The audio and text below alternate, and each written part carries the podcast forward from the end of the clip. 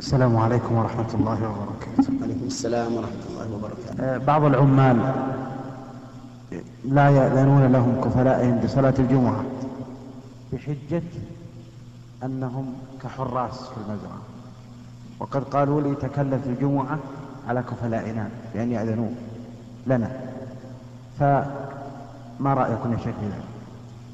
إذا كان هؤلاء العمال بعيدين عن عن عن المسجد بحيث لا يسمعون النداء لولا لولا مكبر الصوت وهم خارج البلد.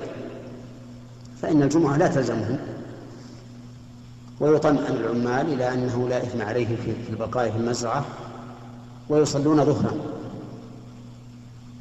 ويشار على كفيلهم أن يأذن لهم لأن في ذلك خيرا له وخيرا لهم وتطيبا لقلوبهم وربما يكون ذلك سببا في نصحهم إذا قاموا بالعمل بخلاف ما إذا ضغط عليهم.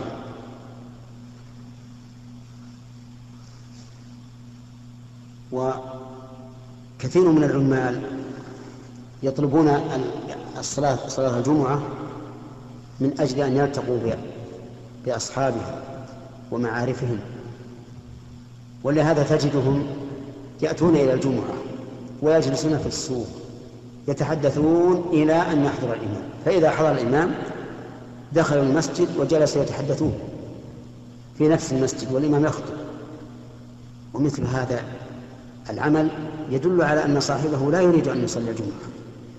إنما يريد أن يجتمع إلى أصحابه وعرفائه أو معارفه فقط. والله أعلم بالنيات. والمدار هو على ما سبق إذا سمعوا النداء لولا مكبر الصوت وهم في البلد فليحضروا وإذا كانوا خارج البلد فلا عليهم فليس عليهم شيء.